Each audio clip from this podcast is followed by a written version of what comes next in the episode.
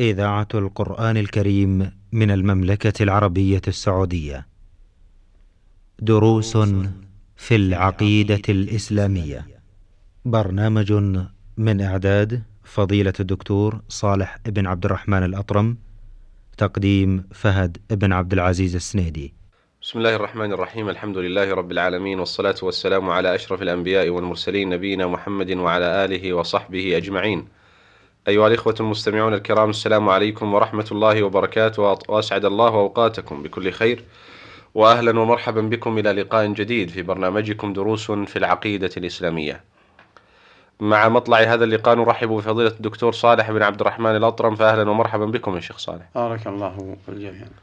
حياكم الله الشيخ آه، نود الحديث في هذه الحلقة عن حكم اعتقاد طاعة الرسول صلى الله عليه وسلم بعد أن أشرنا في الحلقة الماضية إلى وجوب اعتقاد عمومية رسالته صلى الله عليه وسلم للثقلين الجن والإنس وعموميتها لجميع مناحي الحياة. نود أن نتحدث عن حكم اعتقاد طاعته صلى الله عليه وسلم بعد أن أشرنا إلى العمومية. إذا تفضلتم. بسم الله الرحمن الرحيم. الحمد لله والصلاة والسلام على رسول الله وعلى آله وصحبه ومن اهتدى بهداه. اعتقاد طاعة الرسول عليه الصلاة والسلام أمر متحتم. وتقتضيه العقيدة التي أوجبها الله في كتابه على جميع الثقلين الجن والإنس. فطاعته عليه الصلاة والسلام لا شك في وجوبها نعم. وفي تحتمها. للنصوص الظاهرة الواضحة في الكتاب والسنة. ومنها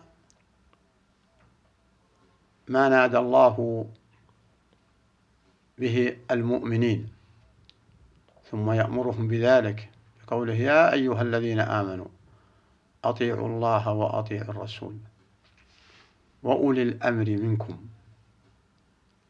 فهذا خطاب للمؤمنين. والآية شيخ؟ يا أيها الذين آمنوا أطيعوا الله وأطيعوا الرسول. وأولي الأمر منكم. فإن تنازعتم في شيء فردوه إلى الله والرسول إن كنتم تؤمنون بالله واليوم الآخر.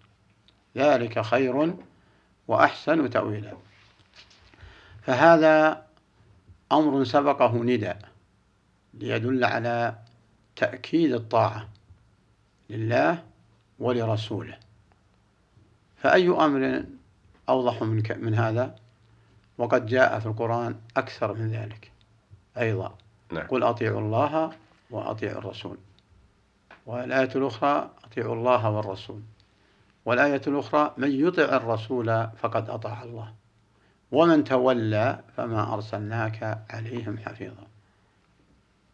والآية الأخرى قل أطيعوا الله ورسوله. فإذا كانت هذه النصوص واضحة بالأمر بالطاعة. فلنتساءل ماذا تدل عليه؟ تدل على وجوب اعتقاد طاعة الرسول عليه الصلاة والسلام. وأن طاعته هو معنى الاستسلام لله بالتوحيد والانقياد له بالطاعة والخلوص من الشرك وأهله. إذ لا نعرف الإسلام نعرف الإسلام وحكمه إلا وأحكامه إلا من طريق الرسول. عليه الصلاة عليه الصلاة والسلام. ولم نعرف كيف نوحد الله وكيف نعبده إلا من طريق الرسول. ولم, ولم نعرف آه، كيف الخلوص من الشرك وكيف البراءة من الشرك وأهله إلا من طريق الرسول. فإذا ما حصلت الطاعة إذا ما حصلت الطاعة والانقياد التام للرسول فكيف نعرف هذه العقيدة العظيمة التي أوجبها الله علينا؟ فضلا عن ما به مصالحنا في الدنيا والآخرة. فطاعته عليه الصلاة والسلام أمر محتم سواء في مصالح فيما فيه مصلحة لنا في الدنيا أو ما فيه ديانة لله. أو ما فيه آه، بيان لحلال أو بيان لحرام.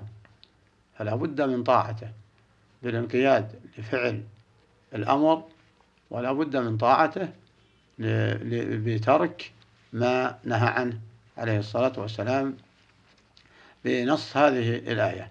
وفي الحديث الآخر من أطاعني فقد أطاع الله فقد فقد أطاع الله ومن عصى من أطاع الله فقد أطاعني ومن عصى الله فقد عصاني ومن أطاعني ومن أطاع الأمير فقد أطاعني ومن عصى الأمير فقد عصاني. فدل على أن طاعته واجبة. طاعته واجبة. والآية الأخرى من يطع من يطع الرسول فقد أطاع الله. ومن تولى يعرض عن هذه الطاعة فما أرسلناك عليهم حفيظا.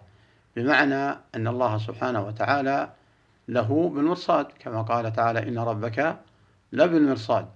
وليست عقوبته عليك يا يا محمد بل هي عقوبته عند الله إما عاجلة أو آجلة يوم يوم القيامة. و وطاعة الرسول عليه الصلاة والسلام معناه فيما يأمر به. وهذا الأمر سواء كان أمر بعبادة لله سبحانه وحده أو كان أمر بخير يفعله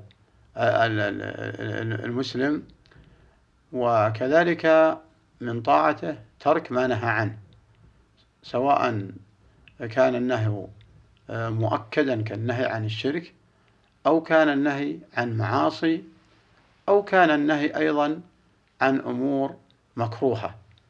لأن من توقع المكروه توقع توقع الحرام. ومن استهان بفعل المكروه ربما يصل إلى يس... إلى أن يفعل الحرام. ف...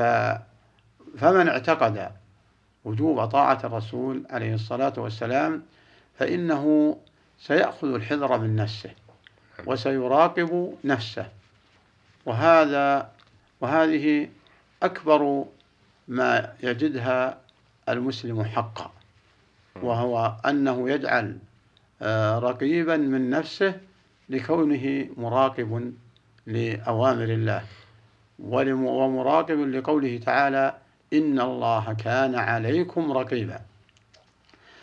فمن عرف آه، سبيله ومن عرف وجوب طاعة ربه فإنه سيتخلص من كل شر وسيحظى بكل بكل خير.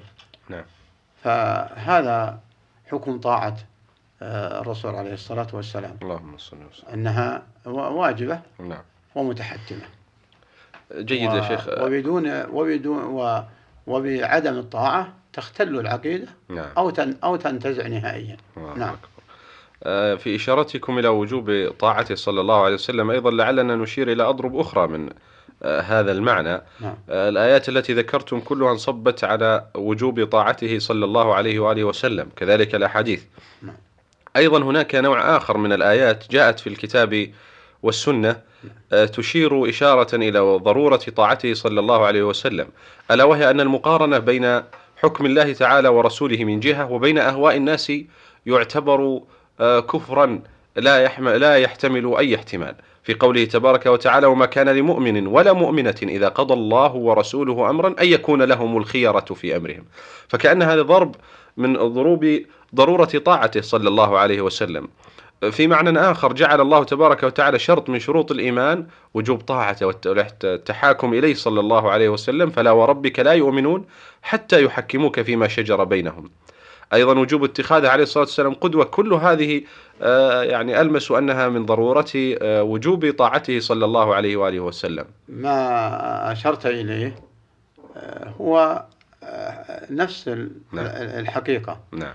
والآية آية الأحزاب وآية النساء تبين لنا فيها تحتم الطاعة. نعم. وسوء عاقبة المخالفة. وما كان لمؤمن ولا مؤمنة إذا قضى الله ورسوله أمرا أن يكون لهم خيرة من أمرهم. ومن يعص الله ورسوله فقد ضل ضلالا مبينا. فهي في فأوضحت الآية وجوب الانقياد لحكمه وتخويف من معصيته. وهكذا الآية الأخرى آية النساء. فلا وربك لا يؤمنون حتى يحكموك فيما شجر بينهم. فأوجبت أول الآية أوجب الطاعة. ثم لا يجد في أنفسهم حرج أيضا.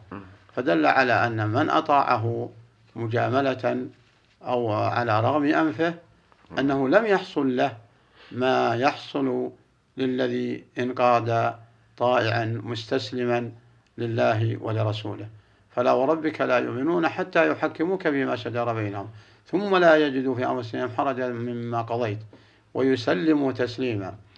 فقوله تعالى فيسلموا تسليما هذا شرط لصحة الطاعة أو بيان للطاعة السليمة الصحيحة آه التي هي على مراد الله ومراد رسوله أن يكون معها التسليم. فإذا كانت طاعة بدون تسليم فكأن هذا الاعتقاد ناقص. هذا الاعتقاد ناقص. وإن كان لم يطع الله ولا رسوله إلا بالقوة من السلطان هذا خطر أيضا على العقيدة. خطر على أن تزعزع العقيدة. فهذه تشير إليه إلى هذه الآية. نعم. ثم لا يجد في أنفسهم حرجا مما قضيت ويسلم تسليما. فلو تردد وشك في هذه الطاعة لله ولرسوله والقياد فإنه يفقد الطاعة الصحيحة. نعم. أيضا في إشارة وجوب اتخاذه قدوة عليه الصلاة والسلام وما آتاكم الرسول فخذوه وما نهاكم عنه فانتهوا وقد كان لكم في رسول الله أسوة حسنة وجعل طاعة عليه الصلاة والسلام شرط من شروط دخول الجنة في قوله صلى الله عليه وسلم كل أمتي يدخلون الجنة إلا من أبى قالوا ومن يأبى يا رسول الله؟ قال من أطاعني دخل الجنة ومن عصاني فقد أبى كلها كل الأدلة نعم. على وجوب الطاعة واضحة وكثيرة والقرآن كله يدل على على هذا. نعم. مما أشرت إلى هذه الأدلة وغيرها. نعم. ولكن المقصود هو تنبيه الأخوة المستمعين على أساس آه، وجوب الطاعة. نعم. والإشارة إلى بعض الأدلة ومن آمن ببعضها وفهم بعضها نعم. سيفهم الأخرى الأدلة الأخرى. وإلا في القرآن كلها نصا على هذا. لا تجد قوم يؤمنون بالله واليوم الآخر. إلى آخر الآية آية قد سمع. يودون من حد الله ورسوله. ولو كانوا آباءهم وأبنائهم وإخوانهم أو عشيرتهم أولئك كتب في قلوبهم الإيمان وأيدهم بروح منه ويدخلهم جنات تجري من تحتها الأنهار خالدين فيها. رضي الله عنهم ورضوا عنه. أولئك حزب الله. ألا إن حزب الله هم المفلحون. وقوله ما كان لمؤمن ولا مؤمنة إذا قضى الله ورسوله أمرا أن يكون لهم خيرة من أمرهم وقوله آه، تعالى لقد كان لكم في رسول الله أسوة حسنة لمن كان يرجو الله واليوم الآخر؟ ومن يتولى فإن الله غني حميد. ففي هذه الآية ثلاثة أمور. أولا بيان وجوب التأسي بالرسول. ثانيا أن الذي يتأسى به التأسي الصحيح هو الذي يرجو الله واليوم الآخر نعم. الثالث أن من أعرض عن التأسي به فإن الله غني حميد آه، عنه والضرر يعود على من تولى نعم. وأعرض عن التأسي بالرسول والاقتداء به نعم. نعم شكر الله لكم يا شيخ على هذا البيان ونسأل الله تعالى يرزقنا وإياكم وجميع الإخوة المستمعين الكرام اتباعه صلى الله عليه وسلم وطاعته فيما أمر واجتناب ما عنه نهى وزجر إنه جواد كريم. مستمعينا الكرام في الختام تقبلوا تحية زميلي أحمد الغامدي من الهندسة الإذاعية. حتى نلقاكم في حلقات قادمة بإذن الله تعالى. نستودعكم الله. السلام عليكم ورحمة الله تعالى وبركاته. دروس في العقيدة الإسلامية. برنامج من إعداد فضيلة الدكتور صالح بن عبد الرحمن الأطرم. تقديم فهد بن عبد العزيز السنيدي.